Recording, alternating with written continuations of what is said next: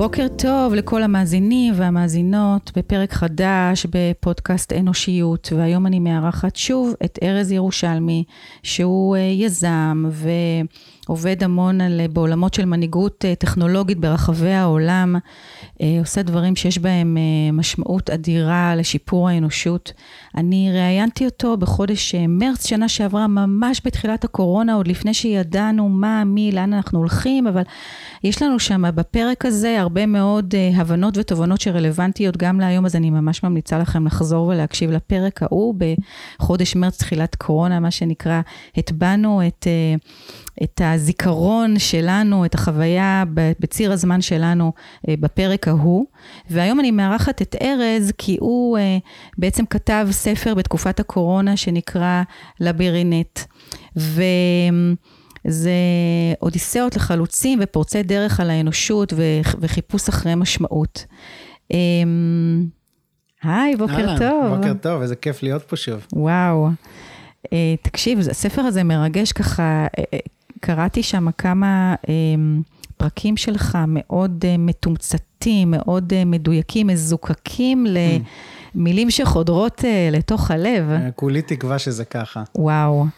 אה, אני רוצה שהיום אנחנו לא נדבר על הדבר הגדול ועל המפה הגדולה, אנחנו נדבר על אנשים כאנשים. מצוין. בסוף הכל מתחיל אצל אה, בן אדם אחד, נכון? כן. הסיפור שלנו בתור אנשים בודדים, ביחד עם עוד אנשים, הופך להיות מין פאזל ענק, מעין תצרף ענק, שהופך לסיפור החיים שלנו, של כולנו. כן, נכון.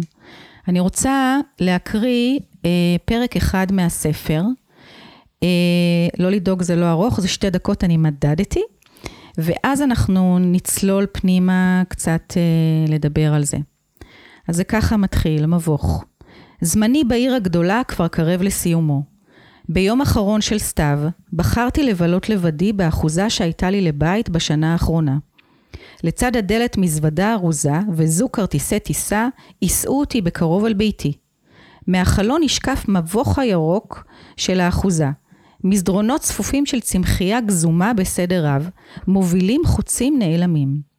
אך משדרכו רגליי בחובו, איבדתי את דרכי במהרה. קירות צמחייה נסעו מעליי, שעה שרגליי כובשות את נתיב החצץ. שוב ושוב היה עליי לחזור על צעדיי, מנסה נואשות למצוא את דרכי חזרה. עד שלפתע מצאתי עצמי ברחבת הגן. קירות הירק נותרו מאחוריי. פארו של המקום נחשף כמו באבחה אחת, ובמרכזו פגשתי בגנן. הוא חייך כאשר ראה אותי, אך היה זה חיוך של אדם שצפה את הבאות. לאחר מכן הפנה את גבו, והמשיך לגזום את קירות הירק. האם אתה יצרת את המבוך? שאלתי בעדנה. זהו אינו מבוך, חבר. הוא עונה לי, בלא להפנות ראשו אליי. זהו לבירנט. אני מביט סביב, קירות הצמחייה עוטפים את המקום אליו באתי. מה ההבדל בין מבוך ללבירנט? אני שואל, מצחקק במבוכה. הגנן עוצר לרגע ממלאכתו. הוא מחייך לעצמו. המבוך מתוכנן כך שיקשה על ההולך בו למצוא את היציאה.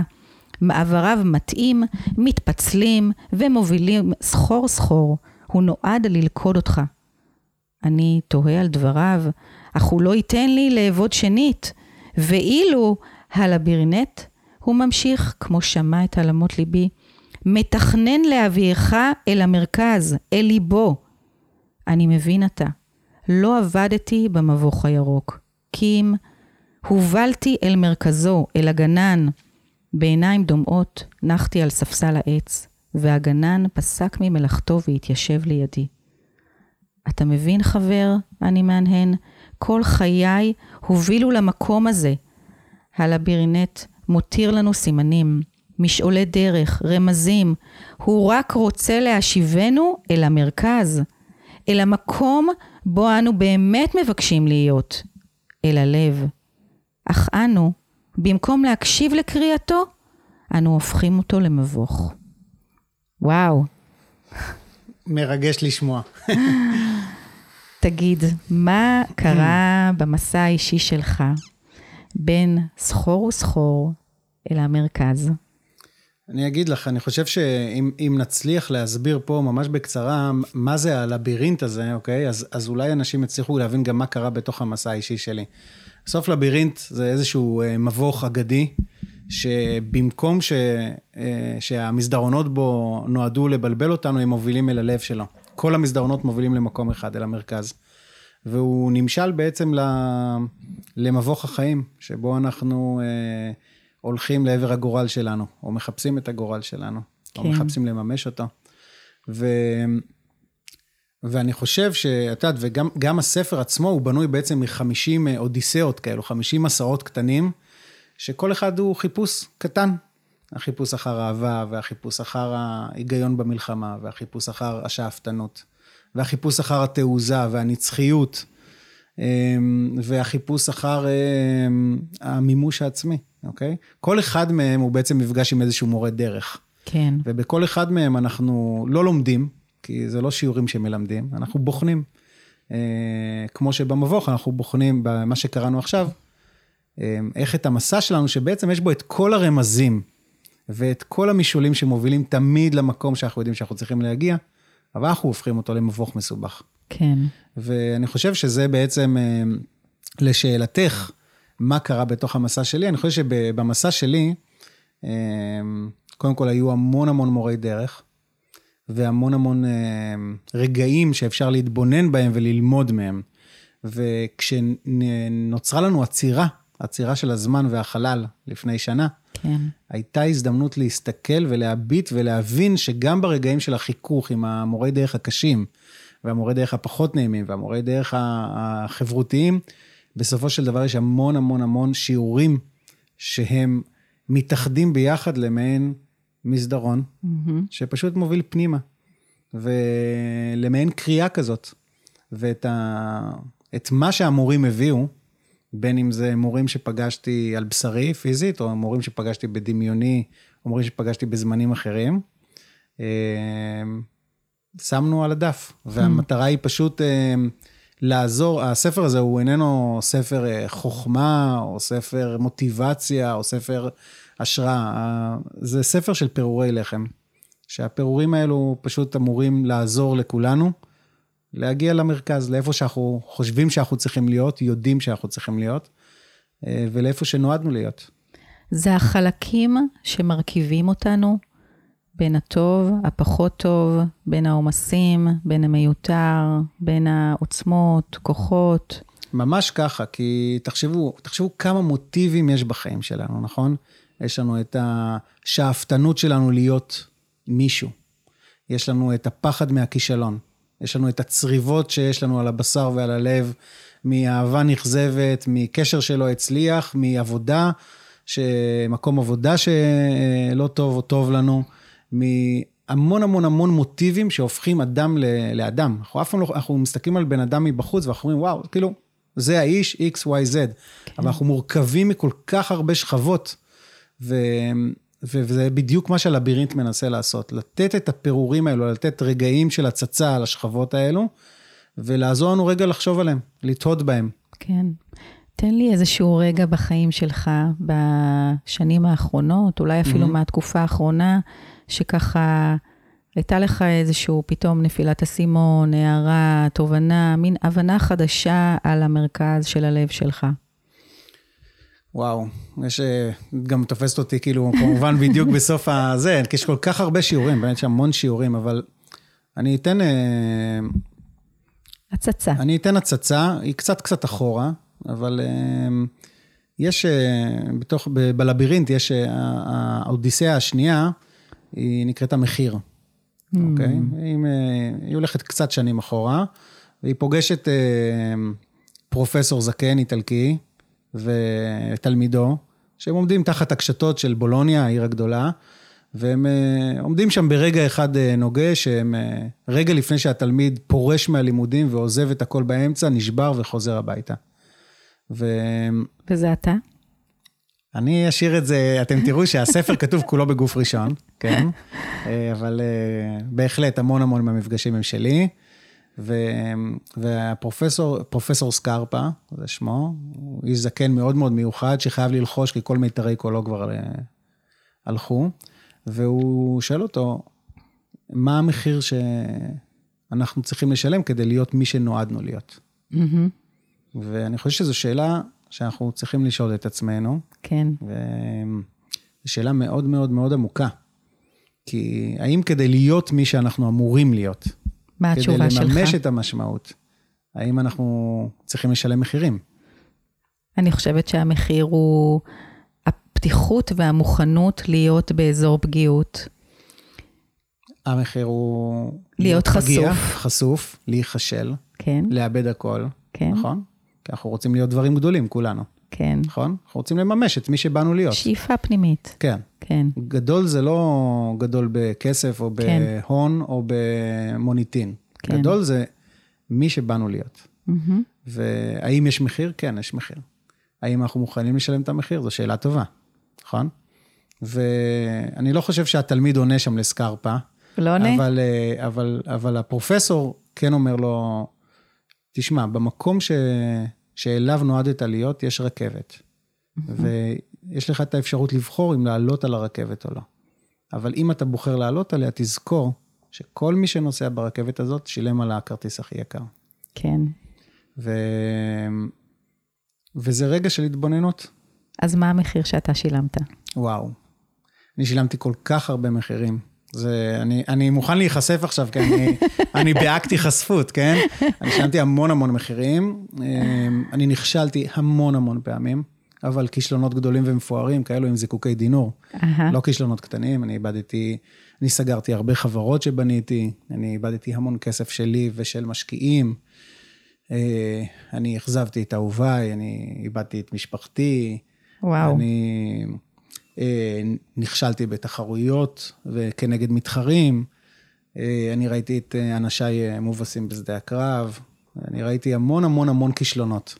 השאלה היא באמת, וגם הספר עוסק בזה, מה, למה, למה יש כישלון ולמה יש כזה משקל סביב המילה הזאת? וגם מה עושים עם זה? מה עשית עושים עם עם זה? זה? נראה, תראה לאן זה הביא אותך.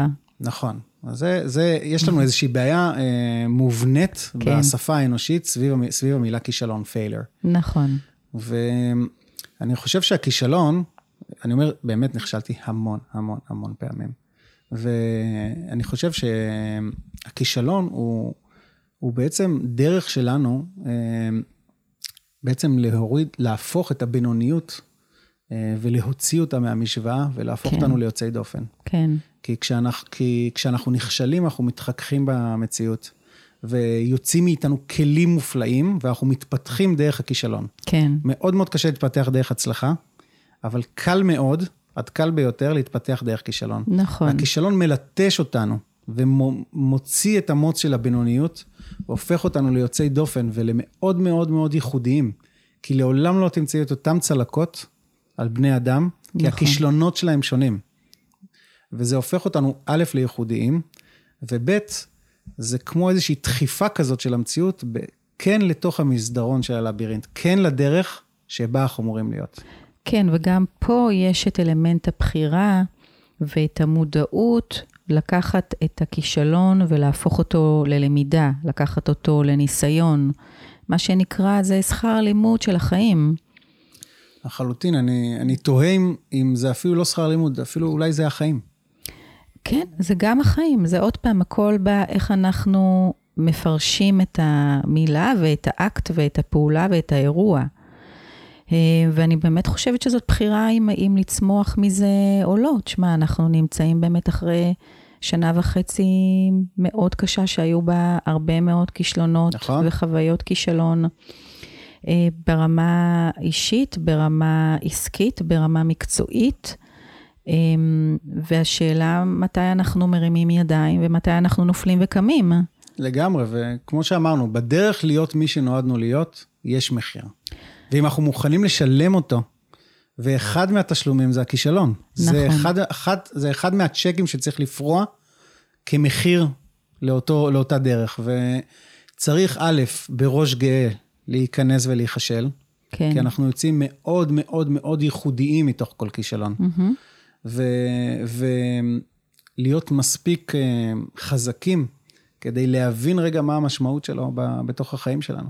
נכון, זה עוד פעם, להיות כל הזמן מחוברים, שאתה אומר בסוף הפרק הזה להגיע למרכז של עצמנו, ולא להמשיך את הסחור וסחור הזה. זאת אומרת, להסכים לפגוש בעצמנו גם בחלקים שאנחנו פחות אוהבים. אני יכולה להגיד לך שאצלי המחיר היה מאוד כבד אה, במקום של הבושה. של הבושה. בושה. זה היה בטח. המחיר שלי. זה אני... אחד הטיקטים שמוכרים הכי הרבה בתחנת רכבת, את יודעת, כן? זה הטיקט נמכר ביותר. כן, התביישתי לעמוד מול קהל, התביישתי לדבר מול אנשים, הייתי נכנסת למקום שאני לא מכירה, רק כאילו, אל תסתכלו עליי, אל דברו איתי, מין חומה כזאתי. אמ, ברור, כי מוכר הכרטיסים, וזה שמוכר את כרטיסי הבושה, הוא הכי חזק והוא בתוכנו. זה הבעיה. כן. הרי זה לא באמת דברים שבאים מבחוץ, דברים שבאים מבפנים. ברור. אני אחשף, אני אראה טיפש, אני אראה יותר מדי זה, אני, אני בכלל לא ראוי לתוכן שאני נכון. מעביר, אני לא... זה בכלל לא מספיק טוב לעומת דברים אחרים שאני רואה, ובסוף, כאילו, אתה קונה כל כך הרבה כרטיסים כאלו, כן, שאתה כאילו... הרכבת לא יודעת לאן לנסוע בכלל. נכון. זה רגש מאוד מאוד חזק, אני חושב כן. שהוא התעצם בעידן המודרני. אוקיי? התעצם? שבהם- כן, כי אנחנו רואים המון המון דברים אחרים, ואנחנו מדמיינים את uh, לב הלבירינט של אנשים אחרים כהמרכז שלנו. מהמם. ולכל אחד יש מרכז מאוד מאוד ייחודי. כן. כי המסדרונות משתנים בהתאם לכישלונות שלנו ולהצלחות שלנו ולמה שעשינו ומי היינו ומי ההורים שלנו היו. ואתה לא יכול לקרוא אה, אה, גלובס, לראות הצלחה של מישהו אחר ולהגיד, וואו, זה המרכז שלי. נכון. המרכז שלך הוא ייחודי. נכון. זה הלחיות את החיים שלי ואת מי שאני נועדתי להיות. בדיוק. לא מה אימא אמרה לי, לא מה אבא אמר לי, לא מה הסביבה, לא מה המורה. לא כן, לא מה שאני רואה בגלובס, אלא באמת מי אני. זה אמ, מאוד נכון למנהלים בתוך ארגונים שרוצים להיות מנהיגים, להתחבר לתוך העוצמות האישיות שלהם, ובאמת מרכז, ה, ה, למצפן הערכי שמניע אותם, שמוביל אותם. זה נכון. בעבור מה הם מוכנים, כי יש פה גם עניין של בעבור מה אנחנו מוכנים לשלם מחיר.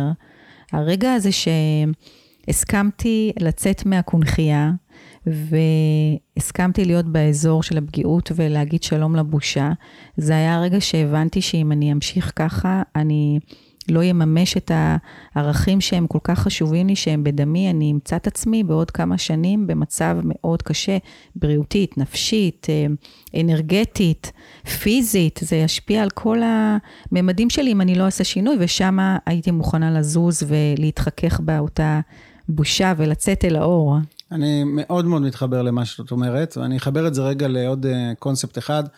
יש איזשהו חלק בספר שמדבר כאילו מה המפתחות שפותחים את הדלתות אל לב הלבירינט. כי בסוף יש מסדרונות, יש גם דלתות באמצע. כן, אחד מהם, אני מדבר רק על אחד מהם, וזה מה שאני מאוד מתחבר למה שאמרת, זה אה, המפתח של זמניות. ברגע שאתה מצליח להבין שזמנך פה מוגבל, והוא קצר מאוד מאוד מאוד, כי הוא קצר, כי 30 שנה רק הבנו איך להיכנס ללבירינט, כן? נכון. והוא מאוד מאוד מאוד קצר, ואתה מבין שהוא לא, אי אפשר להרוויח אותו חזרה, הוא רק זורם בכיוון אחד, ושאתה עוד מעט לא תהיה פה, בסדר? אז אתה מבין שעומדת לפניך הבחירה, האם להש- להשיל את הבושה, להיחשף, לעשות את מה שנועדת לעשות, להיות מי שנועדת להיות, או לבזבז את המטבע הזה של הזמן ולסיים בלי. כן. וכששני השבילים האלו מתחברים, שזה אומר, אני בר חלוף, אני זמני בלבד, אני עוד מעט לא אהיה פה, מה ייוותר מאחוריי? מה הספקתי לעשות? האם הספקתי להפוך בתוך הקפסולה הקצרה של חיי למי שהייתי אמור להפוך? אז, אז בעצם הדברים מתיישרים, הצעידה לעבר המרכז מתחילה. כי אתה מבין שאתה מוכן להקריב ולשלם את המחיר כדי רק להגיע למרכז. אני חושב שכל החיים שלנו פה, הקצרים מאוד בעיניי, כן. הם, אה, הם ניסיון שלנו למצוא את המרכז. מי אנחנו, מה באנו לעשות, ומה המשמעות שלנו. אז מה המשמעות שלך? אני, שואלים אותי את זה המון, אה, ואני חושב שזה מש- זה כל הזמן קצת, כמובן שזה במורפוזה כזאת, נכון? זה משתנה כל הזמן. נכון. אבל אה, אבל יש כזאת איזה, ב- כזה ניצוץ כזה של בעירה פנימית, שהיא בסוף מחברת את כל הנקודות. נכון, נכון, ואני חושב שגם, אני חושב שחשוב שהאנשים שמקשיבים לנו ידעו שהחיפוש שלנו אחר משמעות הוא נחשף לאט לאט נכון, כל הזמן, נכון? זה נכון. לא שכאילו אני יודע אבן, בגיל אבן, איקס, כן. מה אני צריך לעשות, מי אני צריך להיות, לאן מועדות פניי, הוא כאילו כל הזמן מוריד עוד ממש. טפח מתוך הדבר צומח. הזה. הוא צומח, והוא מקבל צבע, והוא מקבל גם חדות. אה, אני חושב אה, שבתוך ה, הספר יש חלק ניכר מאוד מה, מהמשמעות חיי. אה, יש פה כל מיני מסרים או שיעורים או, או תובנות שהן צריכות להמשיך הלאה, לרדת הלאה. והספר הזה נכתב בתפיסת זמניות מאוד מאוד מאוד חזקה. Mm, אני בן אדם שעוסק בין, בין מלאכותיי בדברים שהם על גבול החיים, נקרא לזה, שהם בסיכון גבוה. אה, וההבנה שאני זמני מאוד, אה, השפיעה מאוד מאוד על הספר. מה אני רוצה אה, להשאיר, איזה טביעת אצבע רוצה להשאיר על ציר הזמן ההיסטורי של ילדיי, משפחתי, האנושות, מה אני רוצה שיישאר פה אחר כך. וזה חלק מ... במקום לענות על המשמעות שלי היא X, מהמם. אני חושב שיותר קל לי לענות על זה, איזה. איזה, איזה משמעות אני רוצה להשאיר לאנשים אחריי. כי אני חושב שמשמעות מקבלים לא על ידי עשייה לעצמנו, אלא על ידי מאוד מאוד אה, העצמת האחר, או, או. עשייה למען הכלל, או למען רעיון גדול מאיתנו. כן. כי כשאנחנו משרתים רעיון מאוד מאוד גדול, אנחנו מרגישים את זה, יש לנו אנרגיות אדירות, אנחנו מוציאים מעצמנו את המקסימום, ו... ואני חושב שלשרת רעיון גדול הוא, הוא משהו שנותן חיים משמעותיים מאוד. ואז איזה רעיון אתה משרת?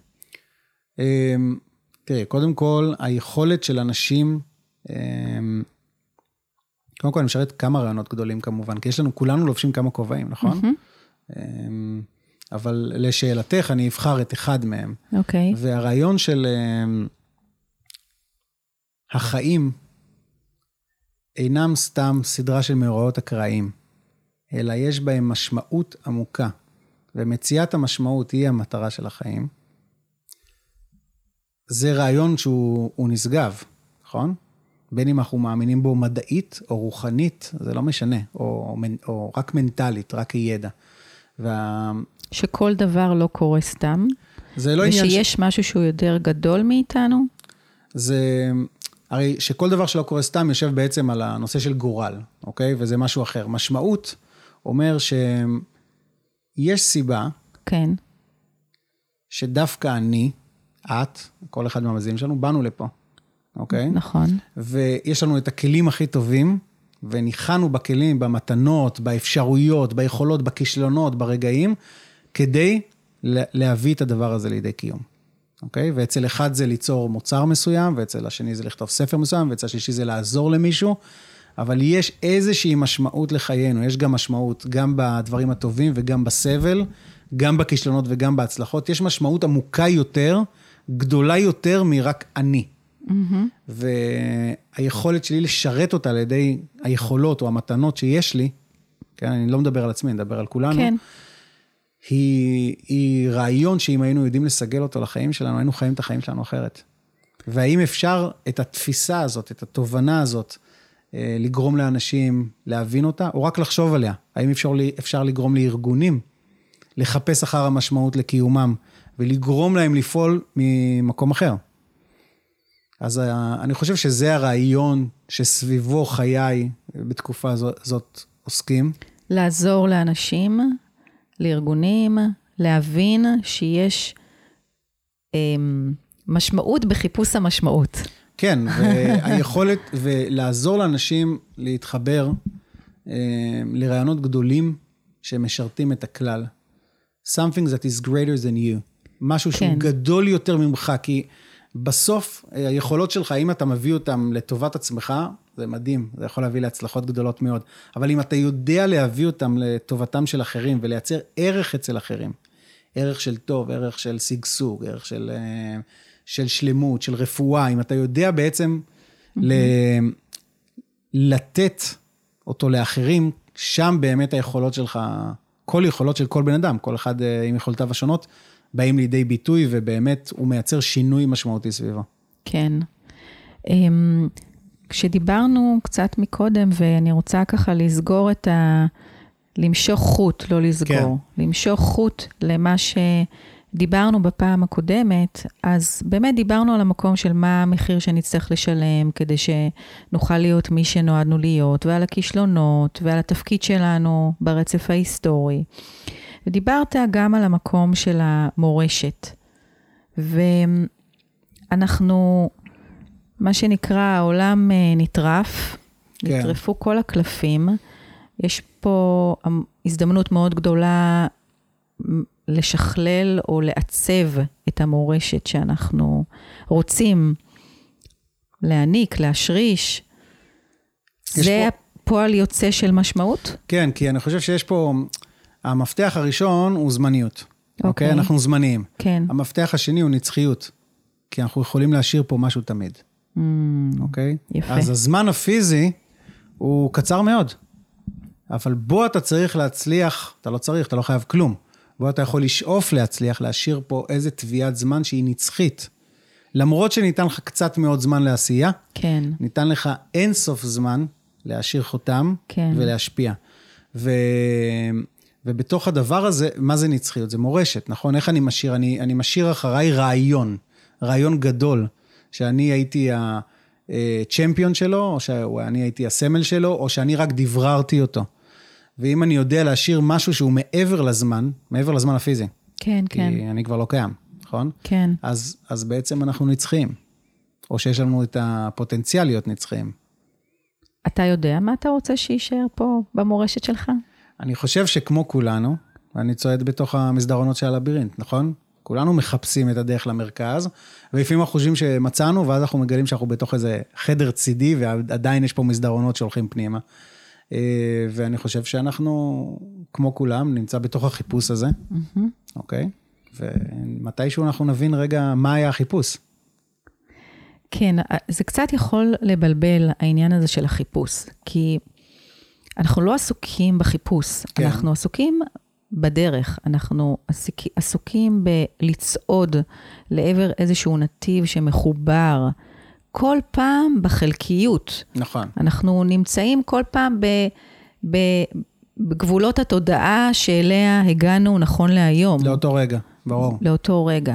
אז אנחנו, מה שמוביל אותנו זה לא, אנחנו לא בחי, אנחנו בחיפוש אתה מבין למה אני מתכוון? כן, הוא כאילו חיפוש פסיבי כמעט, כן? הוא כאילו כן, לא... כן, הוא פסיבי. הוא לא עכשיו אני מחפש בצורה אקטיבית את הדרך למרכז ומי אני אמור להיות, כן. זה ברור. כי אני נמצא בתוך פרק מסוים של החיים שלי ואני לא מצליח לראות אותו מעבר נכון. לפרק הזה. אבל אני אומר, בוא נוריד את זה למילים פשוטות, בסדר? זהו, בדיוק. בוא נוריד את זה למילים פשוטות. כאילו, אני אשאל על עצמי, בסדר? ומתוך שאיפה שזה יהדהד למאזינים. מי אני? מה אני עושה פה? למה אני עושה את מה שאני עושה במהלך היום-יום? כן. למה אני עובד בעבודה שאני עובד? למה אני מתנהג ככה לקרוביי? מה, למה בעצם באתי לפה? מה אני אמור לעשות? איך אני אמור לעשות? למה אני לא מצליח לעשות? איך אני יכול לעשות הכי טוב את מה שבאתי לעשות? מה יכול לעזור לי? מי יכול לעזור לי? מי נמצא ברשת? אנחנו חלק ממארג. ואני אומר, כאילו, את יודעת, אולי חיפוש זה מילה מבלבלת, אבל אנחנו שואלים את עצמנו כל הזמן את השאלות האלו. כל אחד שואל את השאלות האלו באיזשהו גוון מסוים. כן. אני שואל את עצמי כל היום, כשאני פותח את העיניים, כשאני הולך לישון את השאלות האלו. וזה, ולזה אני קורא חיפוש. נבחר מילה אחרת, מסע. אוקיי? מסע. כן, כי אני אגיד לך, אמ, יש לנו הרבה מאזינים שהם mm-hmm. דווקא אה, בדור הזה, כן. בני 25, 6, יזמים צעירים, חבר'ה כן. צעירים שעוד ככה, התשוקה והבעירה הפנימית אה, לבעוט בעולם ובאמת כן. לעשות דברים גדולים. ומה שבעוכריהם זה העניין, המילה הזאת, חיפוש. אני חושבת שאנחנו יכולים לעזור להם, גם לאנשים בגילנו, אה, בגילי, סביב 50, שרוצים לעזור לילדים שלהם, הגדולים, mm-hmm. למצוא דרך, זה, זה לא להמשיך לחפש, זה לפעול תוך כדי ביחסי, כמובן. בחלקיות שאתם נמצאים, ו, ותוך כדי לגלות בתוך המסע.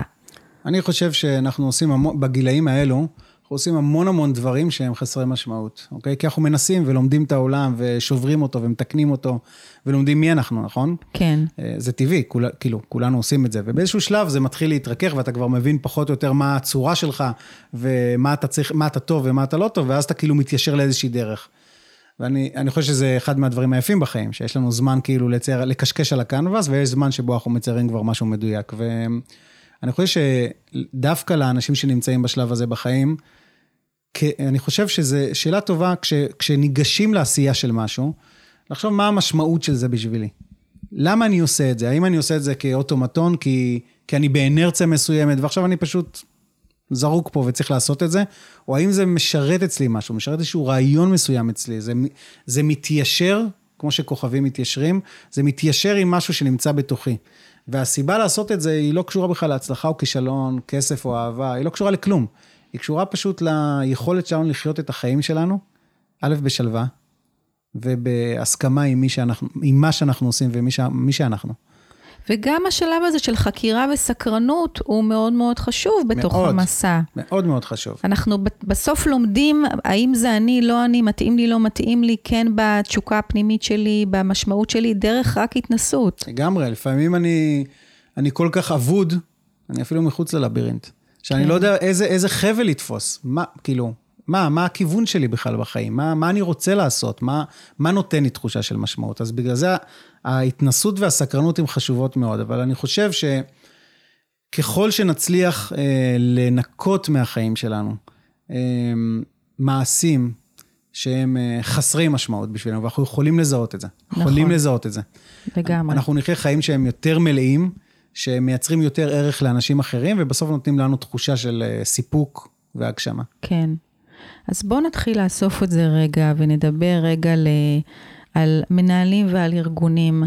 שבעצם נמצאים היום באיזושהי תקופה של אה, בנייה, של אה, עוד פעם אה, לקחת את כל מה שהתפרק ו- ורוצים ליצור דברים שהם חדשים. עוד פעם, המילה הזאת, חדשנות, כן. חדשנות כן. שהיא נראה לי הרבה פעמים כמו פלסטר, שלא רגע איבדנו את החוויה ואת איפה אנחנו נמצאים, ולא הסתכלנו רגע בעיניים של העובדים שלנו ושל הקולגות שלנו, לראות מה העניינים איתכם, מה קורה, מה עבר עליכם, מה השתנה בכם, איפה אתם עומדים על הציר. כן, כי אנחנו הפכנו... אני מתעסק בטכנולוגיה מאוד, וטכנולוגיה היא, היא, זה דיסציפלינה שמתעסקת בכלים, בפלטפורמות, בסדר? אה, בין אם הפלטפורמה היא פטיש, שאיתו אני דופק על מסמר, זה גם טכנולוגיה, לבין אה, אפליקציה שיושבת על סמארטפון, לבין מכונית שנוסעת על חשמל, אוקיי? בסוף הפכנו להיות כאילו כמו חברה של טכנולוגיות ופלטפורמות. אנחנו מסתכלים על הפלטפורמות ואנחנו לא מבינים שתמיד, תמיד, תמיד מאחורי הפלטפורמה עומדים האנשים. למה? מהסיבה הפשוטה כי האנשים בונים את הפלטפורמה. מהסיבה השנייה, שהאנשים מניעים את הפלטפורמה, בין אם הם המשתמשים או הבונים של הפלטפורמה. ומהסיבה השלישית, שבלי האנשים, הפלטפורמה היא ריקה. אין לה בעצם חיות אנושית בכלל להתקיים. או שלא יקנו אותה, או שלא יבנו אותה, או שלא יקודדו או יציירו, או שלא יתפעלו אותה.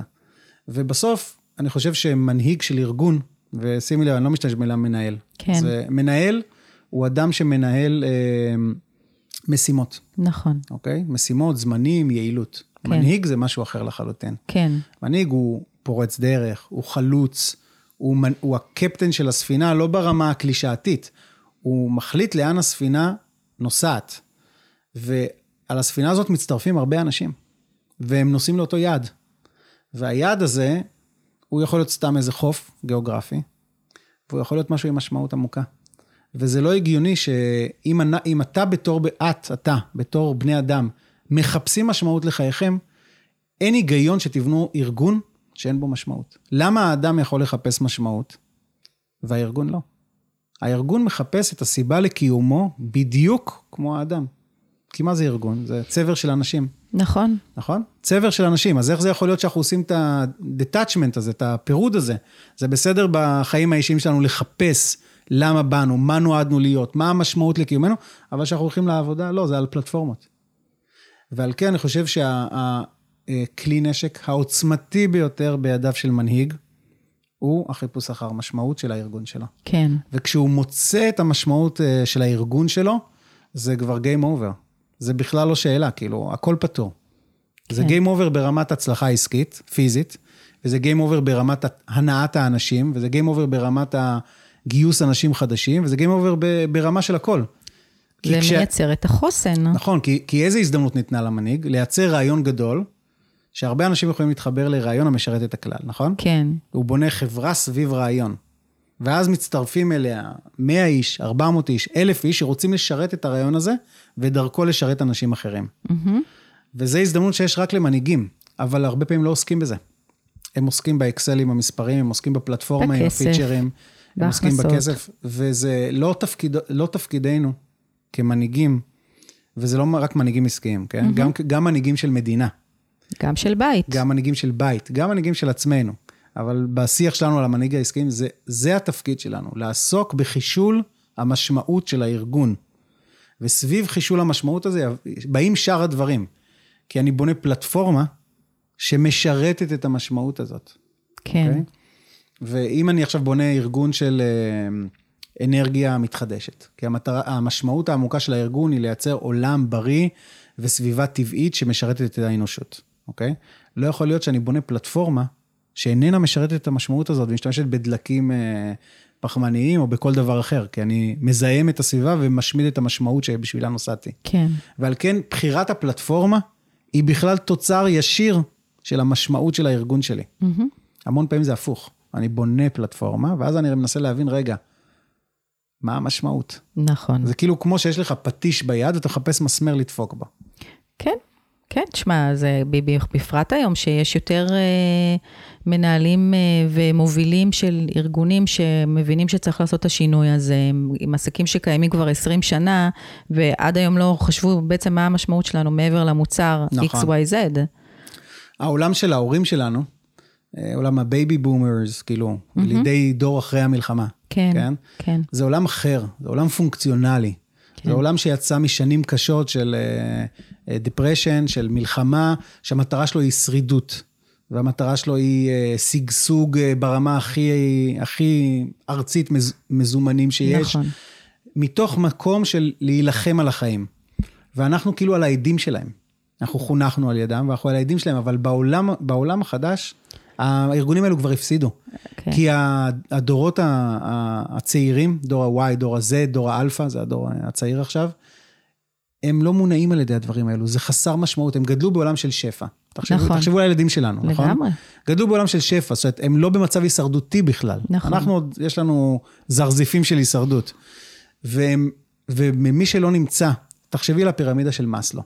מי שלא נמצא בצורך, שיש לו את כל הצרכים הבסיסיים שלו, שהוא משוייך לתוך החברה שלו, כבר יש לו את, הצר... יש לו את שתי הקומות הנמוכות של מאסלו, אז הוא מטפס לקומה הבאה. נכון, להיות נאהב ולהרגיש חלק ממשהו, ולשרת רעיון גדול יותר ממך. כן, ממך. ממש. ושם הם נמצאים. ואם אנחנו לא נתאים את הארגונים שלנו למקום של האנשים במסע הזה, כן, אז הארגונים שלנו יפסיקו להתקיים. זה מאוד מאוד פשוט, אנחנו רואים ארגונים ענקיים מתפרקים עכשיו. כן, כי הם לא, פשוט אין בהם משמעות. יש בהם המון כסף, יש בהם המון הצלחה, אבל אין בהם משמעות. אז הם לא יתפרקו פיננסית, הם יתפרקו אנושית. טוב, תשמע, נגמר לנו הזמן. אה, זה היה מהיר.